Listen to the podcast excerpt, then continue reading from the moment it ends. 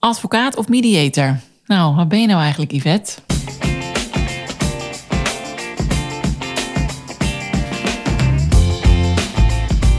Hey, fijn dat je luistert naar de Scheidpodcast.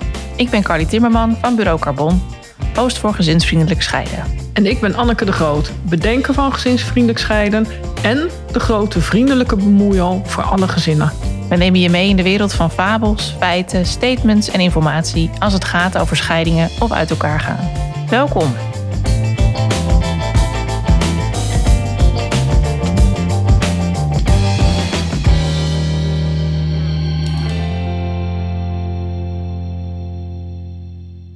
Goeie vraag. Ja, dat bespreken we vandaag in een nieuwe aflevering van de Scheid Podcast, seizoen 3.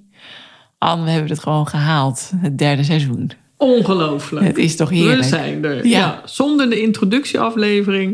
We hebben eigenlijk helemaal niet bepaald dit seizoen waar het over gaat. Nee. Het grootste gedeelte zal gaan over kinderen. Ah, oh, dat Ja. heeft Anneke net besloten. Dat is nu ook nieuw voor mij. Dus het gaat eh, over kinderen. Ja, leuk. Ja, En eh, we zitten vandaag weer in de schoolrol in de luisterkamer van Anneke. Met Anneke en met Yvette Seen. Dat klopt. Welkom Yvette. Hartstikke fijn dat je er bent. Yvette, jij doet iets bijzonders, want jij bent eh, advocaat en mediator. Dat klopt. Kun jij eh, kort in je eigen woorden vertellen wat jij precies doet? Ja, ik ben advocaat en ehm, normaal staan advocaten de een of de ander bij.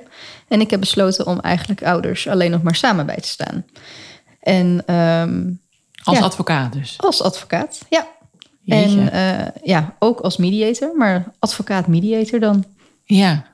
En waarom is dat bijzonder? Want ik, ik dacht zelf altijd dat een advocaat één kant bijstaat, om het zo maar even te zeggen. Ja, dat, dat kan ik ook. En dat heb ik ook eh, twaalf jaar al gedaan.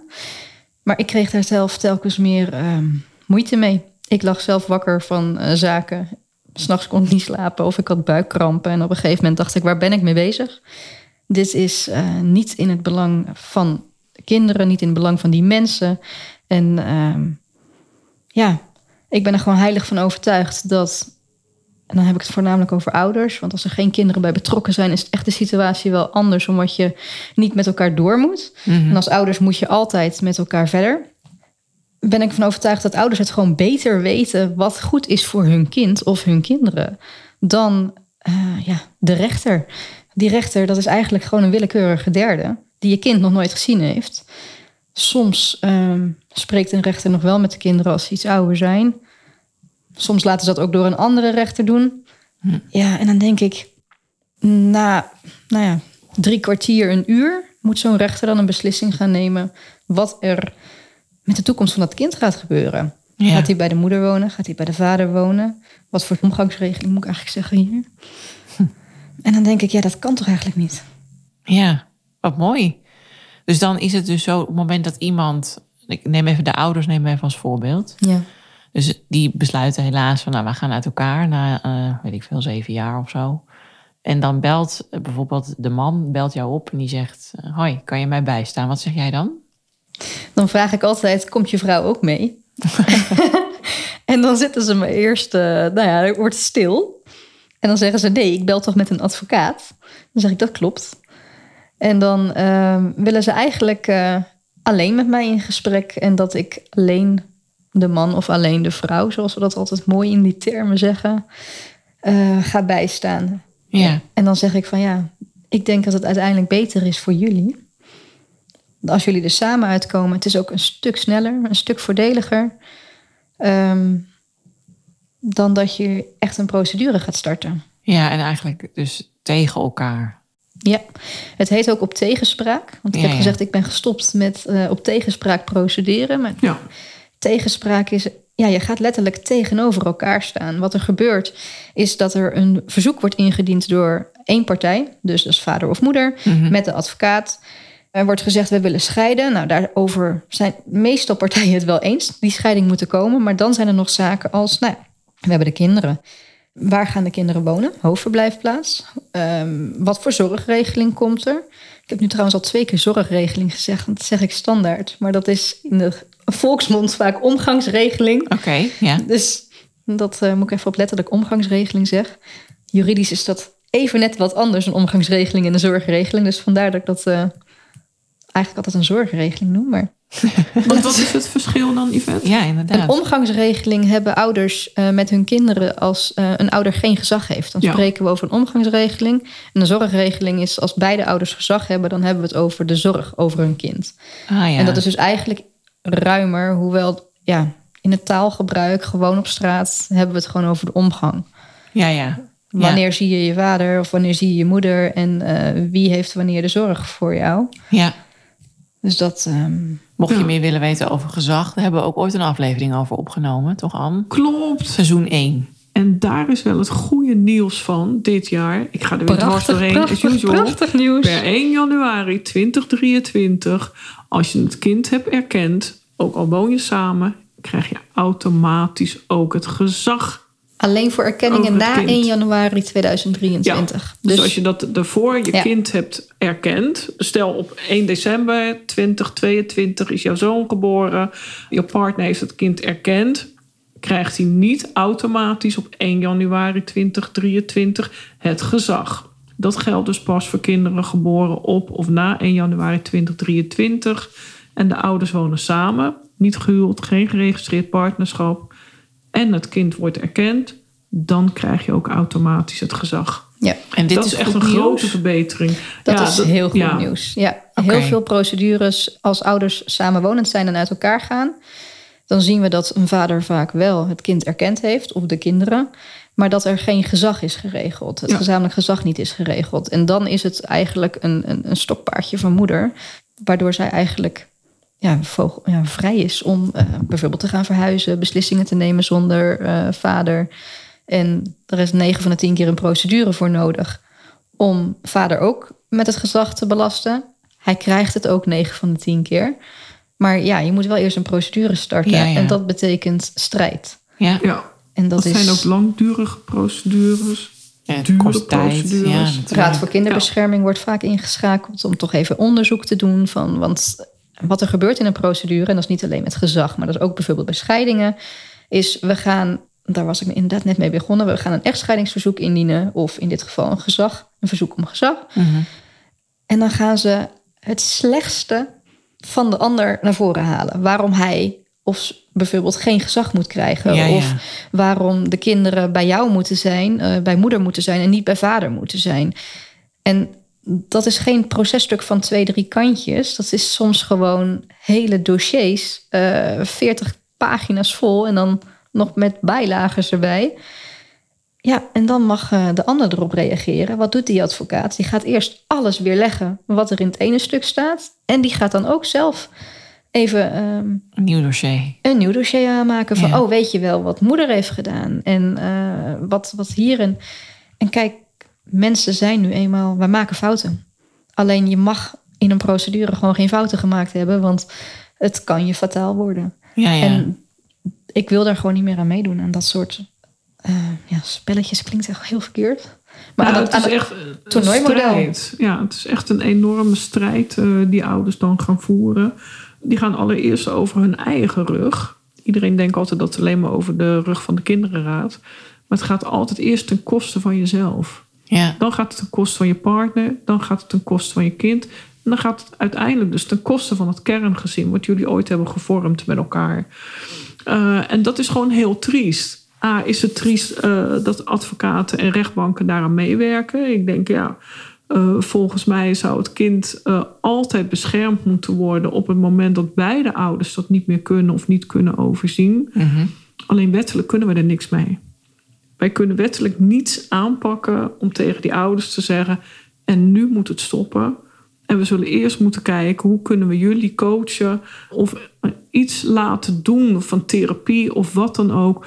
om te zorgen dat die blinde vlek bij jullie wordt weggehaald. En met die blinde vlek bedoel je dan? Hun overtuigingen, ze, dat is echt wat Yvette net ook zei. Eh, ze gaan van alles verzamelen, alles wordt erbij gehaald, eh, omdat ze overtuigd zijn eh, dat ze gelijk hebben. Nou, wat iedereen wel weet, denk ik, elke overtuiging staat echt de oplossing in de weg. Dus op het moment dat zij in gesprek kunnen met iemand anders en die ze laat zien van hé, maar wat gebeurt er nu eigenlijk? Wat zit er nou bij jou en wat zit er bij de partner? Wat is daarvan het effect op het kind? Hè? Het gaat ook over educatie en ouders. Ja. Dus dat betekent dat als jij begeleider bent, net als Yvette, je moet kunnen coachen, je moet kunnen mediaten, je moet juridische kennis hebben. Ja. En vooral systeemtechnisch moet je ook kunnen werken. Hé, maar wat betekent dit nu voor die ouders en het kind en het gezin? Want het zijn heel veel lijnen die openstaan, die allemaal toch uiteindelijk op dat gezin weer uit gaan komen. Ja. En daar zou je wel mee aan de slag moeten. Ja. En als je dan alleen een mediation opleiding hebt gedaan, eh, ga je dat zeker niet redden. Dat- dat- Gewoon afblijven, zeg ik heel eerlijk. Ja. Dat geldt ook voor alleen als je advocatenopleiding hebt gedaan, dan ga je het ook niet redden. Nee, dus jij bent eigenlijk heel blij met vet. Ja, en ook omdat ik gewoon weet eh, dat Yvette veel aanvullende opleidingen heeft gedaan. Hm. En vooral systeemtechnisch kan kijken en werken. Dat is wel het grote verschil. En nog steeds doe. Ik zeg ook Ja. altijd, eh, een dag niet geleerd is een dag niet geleefd. Ik vind het ook altijd fijn om eh, weer Ja. nieuwe, nieuwe dingen te leren. En ik eh, pak ook gewoon op wat bij me past en wat niet bij me past. Nou ja, dat laat ik ook gewoon weer gaan. Maar ehm, je had het net ook over dat ze gaan proberen de ander te overtuigen. Ja, ik noem het bewijs zoeken. Ja, Ze gaan echt allemaal bewijzen dat zij gelijk hebben. En dat is vaak de, de, de zes en de negen. Dan teken ik een zes. En dat voor de een ziet een zes en de ander ziet een negen. En als je gewoon een gezonde relatie hebt, dan kan je naar een situatie anders naar een situatie kijken. Dus dan kan je zeggen van nou kom eens hier, ik zie dit en dit. Eh, zo kijk ik ernaar. Nou, dan kan die ander dat begrijpen. En dan zegt hij ook van nou loop nou eens met mij mee. Kijk eens naar vanaf deze kant. Ik zie het zo en zo. Dus voor mij is het een negen. Nou ja, dat is dan heel mooi. En dan kunnen beide partijen denken ja oké, jij ziet het als een zes, ik als een negen. Nou ja, dat kan en dat mag ook. Mhm. Alleen wat er bij een scheiding gebeurt, er mag alleen nog maar die zes zijn of er mag alleen nog maar die negen Ja. zijn. En daar gaan wij elkaar van overtuigen met bewijs. En als er dan advocaten bij komen, ja, die willen ook natuurlijk bewijs hebben, want we moeten bewijs indienen bij de rechter. Dus we gaan eh, brieven die we misschien, eh, of eh, notities uit agenda's, of misschien wel van een dagboek, of mailtjes van vroeger. Of we gaan eh, op school vragen hoe vaak is hij op een oudergesprek geweest. ja. En, alles wordt uit de ehm, kast gehaald. Echt alles. en dat zijn allemaal bewijsstukken die dan worden ingediend. Van ja, hij heeft nooit interesse getoond in de kinderen. Dus de kinderen moeten bij mij een hoofdverblijf hebben. En dan denk ik, ja, is dat nou de manier hoe het moet? Ja. Ja, ik vind van niet. Nee, Ja. want dat zijn vaak ook de mensen die natuurlijk het hardst roepen van we willen wel het beste voor de kinderen. Ja. En ondertussen maak ik je vader of moeder gewoon met de grond gelijk. Ja, ja. Ja, en dat is denk ik niet, eh, niet heel wenselijk. Maar dan is het dus zo, dus die man die heeft gebeld met jou en die zegt ik wil een advocaat. En dan zeg jij nou neem je vrouw mee en die man die moet dan even bedenken van wil ik dit wel? ja. Eh, gebeurt het dan vaak dat ze dus daadwerkelijk hun vrouw meenemen? Het kan ook andersom, luisteren. Het kan ook vrouw met een man zijn. Het gebeurt eigenlijk eh, bijna niet. Als ze bellen voor een advocaat, willen ze echt ook al een advocaat. Ik heb laatst wel een, eh, een vrouw gehad die eh, belde voor haar vriendin. Want die had een advocaat nodig die er echt even goed tegenin ging. Volgens mij heb ik hier ook op LinkedIn een keer iets over gepost. En toen vroeg ik ook van, ja, is je vriendin bij je? Want kan ik haar dan even zelf spreken? Maar zij wilde helemaal niet naar een advocaat. Dus zij wilde me eigenlijk ook helemaal niet aan de lijn hebben. En toen zei ik van, nou, denk je dat je man bereid is om mee te komen? En toen was ze helemaal verbaasd ook. En toen zegt ze, ja, maar eh, ik praat toch met een advocaat? Ja, nou ja, dat klopt. Maar dat is dus wel gelukt. Zij is uiteindelijk wel met haar man gekomen, omdat zij echt niet dat gevecht aan wilde gaan. Ja, ja. Maar dat heb je dus ook weer van buitenaf. Die vriendin bedoelde het hartstikke goed om, oké, weet je, het is nu klaar. Jullie zijn al zo lang uit elkaar. Het gaat iedere keer eh, weer op, ja, aan en uit. Ehm, het gaat op en af met die relatie. Dus die vriendin bedoelde het goed. Van je gaat er nu een punt Ja. achter zetten. Je gaat nu een advocaat bellen. Je gaat actie ondernemen. Eh, maar ja, een advocaat bellen. Stel ze had iemand anders een, een advocaat gehad die wel op tegenspraak zaken aanneemt ja. zoals dat dan zo mooi heet, op tegenspraak, ja, dan Ja. was het waarschijnlijk heel anders. Uit de verf gekomen. Ja. ja. Ja, want ik denk ook inderdaad wat je zegt. Mensen die bellen dus met de verwachting van een advocaat... is iemand die één partij eh, bijstaat. Ja. Terwijl dat dus niet hoeft. Nee, er zijn eh, veel meer familierechtadvocaten die zowel eh, mediation doen als advocatuur. Mhm. Maar die, Wat echt, bedoel je bijvoorbeeld aan de VFAS? Dan denk ik dat ze allemaal... eh, die, die de- horen allemaal inderdaad ook mediation te doen. Hebben in ieder geval die opleiding gehad. Maar of ze het Mhm. allemaal doen, Dat is niet het geval. Ja. Maar ze hebben wel allemaal de opleiding gehad. Ja. En dat geldt ook voor mediators. Ja. Twijfel ik ook wel eens dat ze het allemaal doen. Ja. Ander verhaal, een ander verhaal. Ja. Dus ehm, ik denk dat de, de focus eh, anders ligt. Ik ben van oorsprong jurist, advocaat. En aanvankelijk lag ook veel meer mijn nadruk ook echt op het juridische plaatje. We gaan het gewoon juridisch regelen. Inmiddels zeg ik altijd, ja, je gaat niet alleen scheiden eh, juridisch, eh, niet alleen financieel, maar ook emotioneel. Dus je moet op drie vlakken scheiden. En 9 van de 10 keer waar het is misgegaan, is vaak het emotionele gedeelte. Want het juridisch scheiden, nou ja, dat is heel snel. Ik doe een verzoek indienen en de rechter die keurt het goed als allebei de partijen dat willen. Nou, 9 van de 10 keer zijn ze er echt over eens dat ze willen scheiden. Dus dit juridische plaatje, ik doe het nu even heel kort door de bocht, dat is niet zo spannend. Financieel heb je natuurlijk ook, we gaan die banden doorsnijden. Maar vaak gaat het dan na een paar jaar, als ze dan goed uit elkaar zijn gegaan, toch weer mis. En dat is meestal als er dan een nieuwe partner in het spel komt bij een van beiden. En dan zie je toch van ja, jullie zijn emotioneel eigenlijk nooit echt gescheiden. Oude patronen die jullie in het huwelijk hadden, die hebben jullie eigenlijk voortgezet na die scheiding. Want er is eigenlijk nooit aandacht aan besteed. En ehm, dat onderscheidt mij wel, denk ik, van de, van de andere advocaat-mediators. Is dat ik dat erbij pak. En dat ik eigenlijk dat. eh, ja, ik trek dat naar voren. Ik begin echt met het emotionele deel. Financieel behandel ik uiteraard ook, maar wordt het echt te complex, dan verwijs ik ook standaard door. En dan zeg ik ook van ja, laat het even wel echt meekijken. Ja, Want ik ben gewoon geen fiscalist. ja. Ehm, en ik weet wat ik wel weet, maar ik weet ook, ik weet niet alles. Ja. En daar ben ik ook heel eerlijk over. En het juridisch plaatje, dat is eigenlijk vaak dan de afrondende fase. ja. Waardoor je dus ook eigenlijk veel sneller kunt werken. Want als Ja. de emotionele scheiding min of meer achter de rug is, dan... Als het emotioneel, als die emoties nog te hoog zitten, kan je eigenlijk geen afspraken maken. Ja, Want dan gaat het eigenlijk 9 van de 10 keer om iets heel anders dan waar we het daadwerkelijk over hebben. En als ik kijk naar ehm, hoe ik het oorspronkelijk heb geleerd om de mediation te doen, we gaan gewoon één gesprek over de emoties, één gesprek over eh, de kinderen en één gesprek over eh, het financiële plaatje.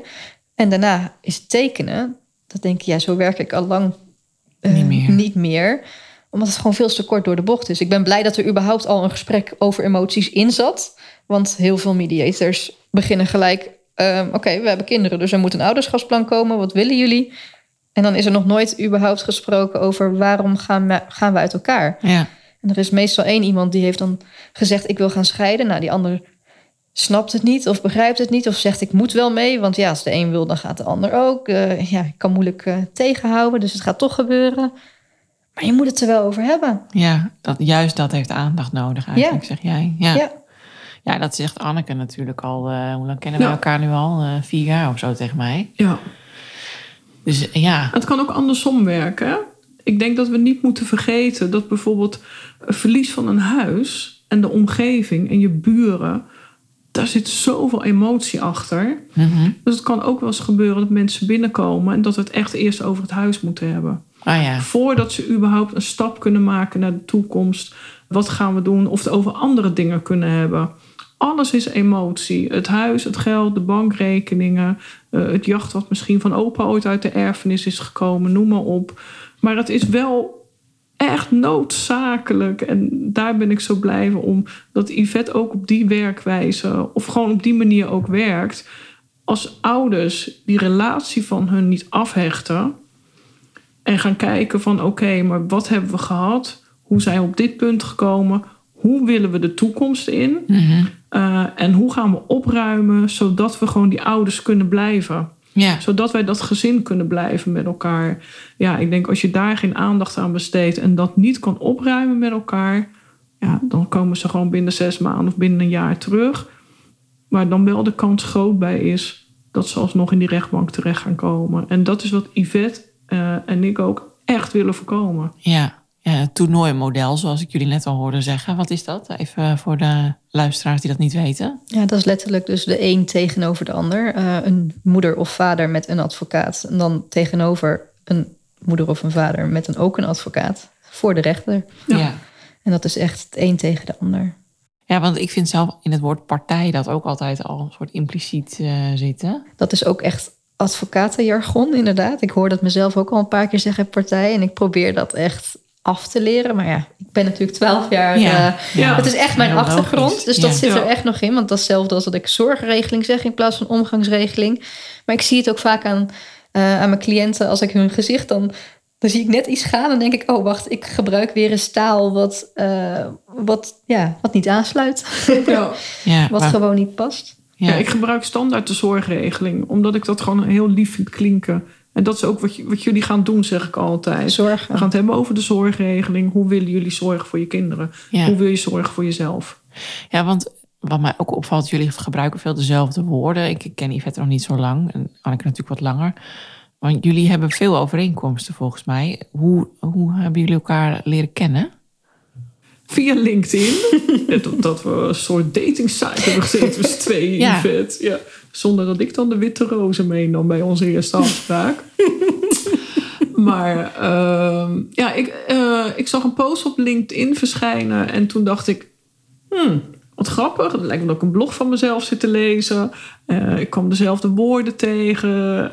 En toen dacht ik, hè, gezinsvriendelijke advocaat. Ah, dat kan helemaal niet, want ik ben gezinsvriendelijk scheiden. Dus hoe kan jij jezelf nou zo noemen?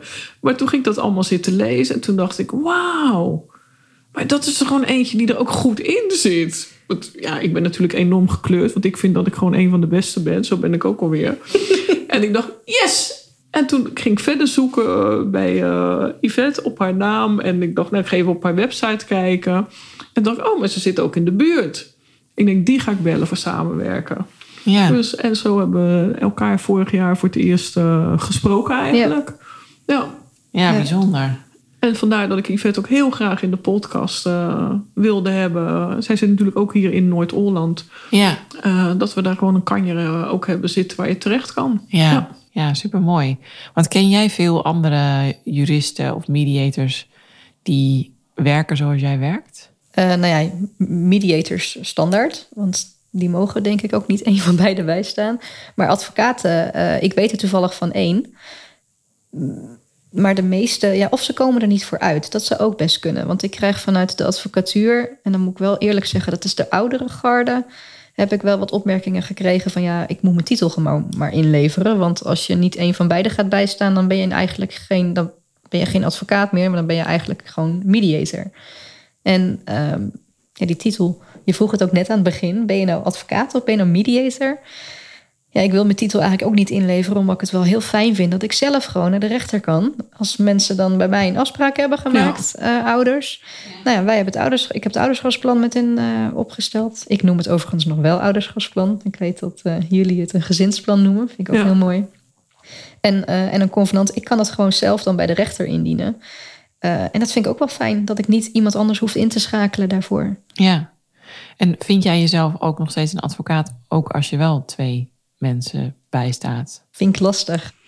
Mijn werkzaamheden zijn echt heel erg veranderd. Van focus op het juridische, op veel meer focus eh, op het emotionele.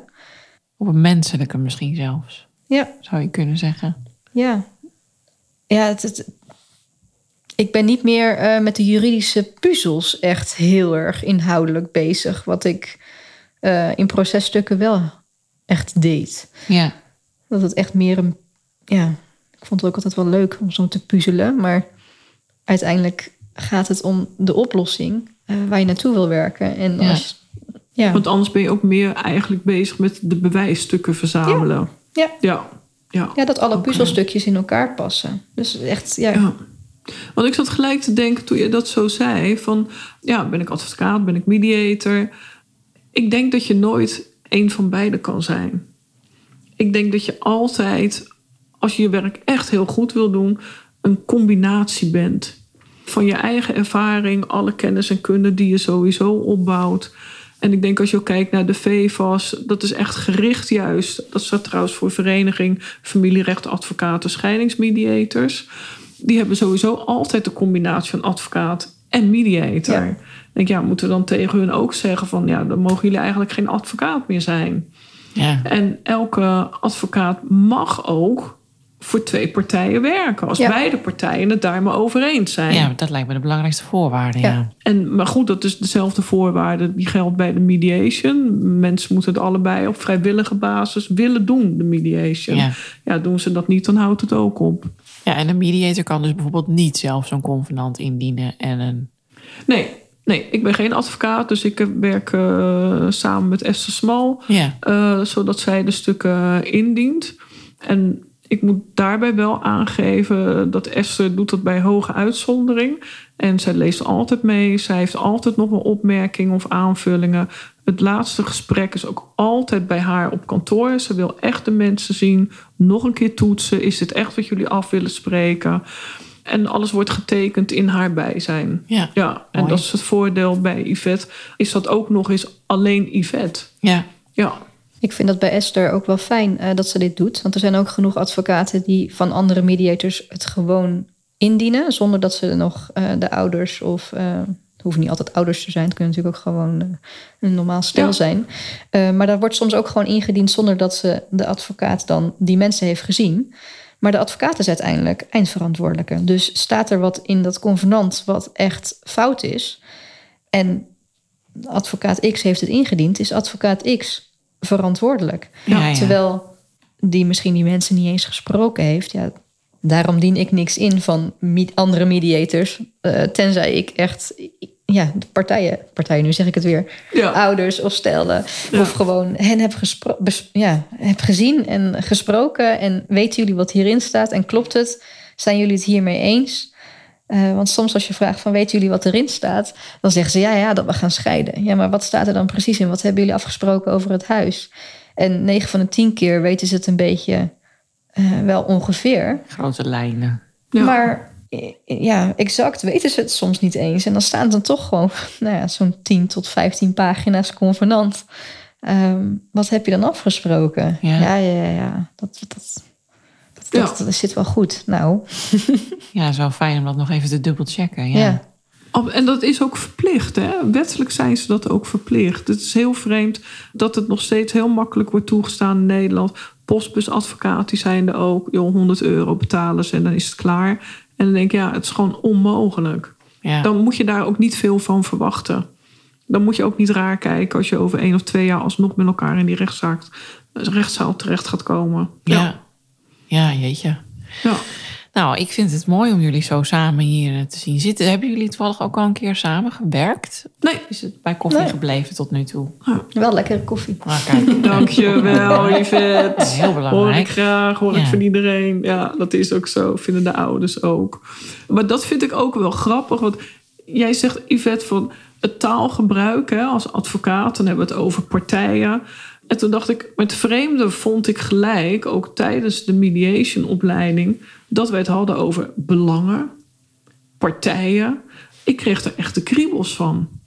Maar ik dacht, maar zo wil ik die ouders helemaal niet noemen. Ik wil ze juist niet die juridische hoek weer induwen. Ja. Mediation is juist ooit ontwikkeld om dat niet te doen. En dat is exact wat er gebeurt. Dus ja, ik heb ze altijd gewoon ouders genoemd. Soms noem ik ze papa en mama. Ga ik gewoon op de stoel van het kind zitten. Ja. En zeg ik gewoon wat er bij mij gebeurt als kind. Ja, en ik denk als je je daarin kan verplaatsen en gewoon een ouders mee kan geven. Jongens, eh, je kan heel veel bewijzen gaan verzamelen. Kan je jarenlang doen. Maar wat veilig, wil je hè? bereiken? wat wil je met die bewijzen doen? En wat wordt er dan beter aan het eind van die vijf jaar?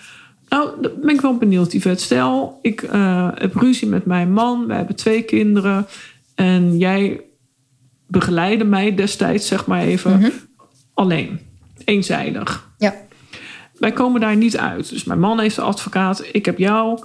En wij blijven strijden. Waar moet ik dan aan denken? Hoe gaat dat dan in de ko- toekomst eruit zien? Ben ik dan met zes maanden klaar? Ben ik met een jaartje klaar? dat is ook natuurlijk afhankelijk van de rechtbank. Maar in eerste instantie dienen wij een verzoek in. En dan heb je zes weken de tijd om daarop op te reageren. De wederpartij. Weer zo'n term, hè? Wederpartij. Ja. Dat is de andere kant. Maar die kan uitstel vragen, dus dan heb je nog eens zes weken. Dan ben je sowieso twaalf weken verder. Nou, dan kan er dus een reactie op komen. Maar daar kan ook weer een eigen verzoek in zitten. Dat noemen we een zelfstandig verzoek. Daar mogen wij dan weer op reageren. Want ja, wij hebben misschien gevraagd om zorgregeling dit of zo te regelen. En hij vraagt dan misschien om, eh, weet ik veel, alimentatie of eh, eh, weet, iets, al- iets anders. Daar kunnen wij weer op reageren. En daarna ligt het meestal nog even een tijdje stil. Ehm, omdat het ingepland moet worden. Er moet een zitting komen. En wanneer die zitting komt, ja, dat is afhankelijk van wanneer de rechtbank tijd heeft. Ja. Eh, rechtbank Noord-Holland, moet ik aangeven, is niet heel erg snel. Eh, nou, de laatste tijd weet ik het natuurlijk eigenlijk niet echt meer Ja. precies. Maar oorspronkelijk was dat iets van acht maanden wachten. Wow.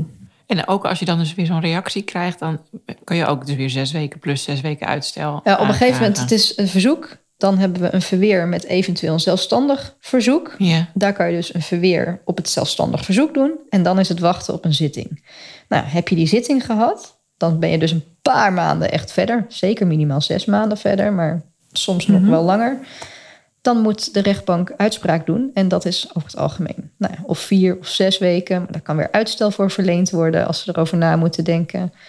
In het ergste geval zegt de rechtbank: hé, hey, ik ga geen uitspraak doen. Ik vind dat er een bewijsopdracht moet komen. Of eh, de Raad voor Kinderbescherming moet onderzoek doen. Als de Raad voor Kinderbescherming onderzoek moet doen, dan eh, kan het nog eens een keertje, nou ja, vier tot acht maanden duren. Want ja, dan moet de Raad weer eh, eerst beginnen met ouders gaan praten, met kinderen gaan praten, advies uitbrengen aan de rechtbank. Nou ja, dan heb je weer een zitting. En uiteindelijk heb je natuurlijk een uitspraak, maar dan ben je er niet. Je hebt er een uitspraak en één van beiden heeft misschien gewonnen. Nou, ik vind altijd dat er alleen maar verliezers zijn, met de kinderen als grootste verliezers. Of ze berusten er allebei in, of er gaat iemand in hoger beroep. En je hebt drie maanden de tijd om in hoger beroep te gaan. Dus dat is ook weer een periode. Dan heb je gewoon eindelijk die uitspraak. En vaak zie je dan dat misschien een week of een dag voor het einde van die beroepstermijn gaat er toch hoger beroep ingesteld worden. En dan begint het weer opnieuw. Alleen dan niet bij de rechtbank, maar bij het gerechtshof. En ik heb zaken gehad die nou ja, bij de rechtbank gewoon een jaar hebben geduurd. En bij het hof vervolgens eh, het gerechtshof dan nog eens twee jaar duurde. Omdat het gewoon, ja, de werk, eh, ja, de, de werkdruk, hoe zeg je dat? Gewoon te veel werk en eh, te weinig capaciteit ja, ja. om het daadwerkelijk te gaan behandelen. Ja, dan ben je zo drie jaar verder. En of de kinderen daarmee gediend zijn, of je daar zelf mee gediend bent. Ja, ik denk het niet. Het is Want al die tijd lang. zit je echt ook in onzekerheid en in afwachting. Ja. Oh man, daar moet je niet aan denken. Ja, nou ja, nou, ik, ik schrik hier ook wel van, als ik heel eerlijk ben. Want dat betekent dus sowieso dat de kans groot is dat er veel zaken zijn waarbij de kinderen gewoon twee of drie jaar een van de andere ouder niet ziet. Nou, je hebt natuurlijk ook nog tijdelijke ehm, mogelijkheden. Dat als, je, als dit een, eh, een verzoek is, bijvoorbeeld om omgang, dan kan je ook eh, een voorlopige voorziening vragen. Dus een tijdelijke regeling in afwachting van het definitieve besluit van de rechter. Ja, Maar dan heb je een procedure in een procedure. ja, En dan heb je dus wel sneller uitspraak, maar dat is een voorlopige regeling, want het is een voorlopige voorziening die dan wordt getroffen. Ja, en dan denk ik ook, ja, dat is ook niet handig, want dat zijn gewoon iedere keer weer pleisters. eh, En alles wordt iedere keer, waarom doe je het niet gelijk direct? Maar daar is de capaciteit dan weer niet voor. Ik, ja, ouders zijn veel sneller en goedkoper als ze samen het gesprek ingaan. ja. Ja, en je wordt er zelf ook nog eens een stuk blijer van, lijkt mij. Uiteindelijk. Op de lange termijn. Ja, Nou, en ik denk zeker voor de kinderen, want waar blijven die kinderen? Door wie worden zij begeleid op het moment als we het al hebben over de werkdruk bij de rechtbank, de enorme wachtlijsten die er zijn sowieso bij de Raad voor Kinderbescherming en Jeugdzorg? Die kinderen gaan zwerven eigenlijk binnen dat systeem. Er is niemand die zegt van, hé, hey, eh, prima ouders, als jullie dit gaan doen, betekent wel dat jullie kind nu eerst recht heeft op hulp. Als dit Nee. is hoe jullie erin willen gaan staan, gaan we eerst eens even eh, hulp regelen voor het kind. Dat is wat ik dus zo ongelooflijk vind. En ik denk dat daar ook wel mijn boosheid zit, dat er gewoon te veel advocaten op deze wijze blijven werken. En aan de andere kant moeten we zeker niet vergeten, als we kijken naar sommige relaties waar bijvoorbeeld veel geweld binnen is, dat is nu eenmaal zo ja, overal, dat is niet alleen in Nederland. Dat vraagt ook trouwens om expertise. Dat ouders wel altijd de mogelijkheid moeten hebben om alleen bijgestaan te kunnen worden. Ja. Soms kan het echt niet anders. Je moet altijd eerst toetsen: is het veilig genoeg? Dat, ah, Ja. Kijk, toetsen Ik zei een heel raar woord. Toetsen. Je moet altijd toetsen in het eerste gesprek of de veiligheid er is. Ja. Ja, dat lijkt mij inderdaad Ja. belangrijk. En het een hoeft het ander volgens mij ook helemaal niet uit te sluiten. Ik bedoel, Ja. het is natuurlijk hartstikke fijn dat je jezelf kunt vertegenwoordigen in een rechtszaak, als dat nodig is. Maar het lijkt mij ook heel goed dat je dat dus ook samen kan, zonder dat daar een of ander oordeel al op zit, door wie dan ook. Want ik vind het juist heel goed dat jij dit doet. Dank je. Dus, ja, Ik zeg Ja, ook altijd, ouders die scheiden niet. En dan kijken ze me aan, hoezo ouders scheiden niet? We gaan toch uit elkaar? En dan ja, als liefdespartners ja, gaan jullie uit elkaar. Maar Ja. ouders scheiden niet. En de kinderen scheiden ook niet. nee. Ja. Ja, Nee. en dat is wat het is. Dus Hans, we blijven altijd samen, hoor je dat? Ik denk dat we kunnen gaan afsluiten. Ik vond het een hele mooie, mooi gesprek, zo, Ja, jullie. verhelderend. En Absoluut. fijn om te horen dat jij bestaat, Yvette. en eh, ja, ik zeg op naar de volgende, want ik vermoed dat, eh, dat we jou nog wel vaker gaan horen. Dat Leuk. denk ik ook. Ja, dankjewel Yvette. Leuk dat je naar het pittoreske school wilde komen. Ik vond het heerlijk om hier te zijn. Dankjewel. Carly, jij ook bedankt. Jo. Fijn dat je hebt geluisterd. Heb je een vraag, een tip of wil je gewoon even je eigen verhaal kwijt? Laat het ons weten via info.gezinsvriendelijkscheiden.nl Oh, en eh, je mag natuurlijk altijd een beoordeling achterlaten, sterren uitdelen of de aflevering delen met je vrienden, familie of collega's.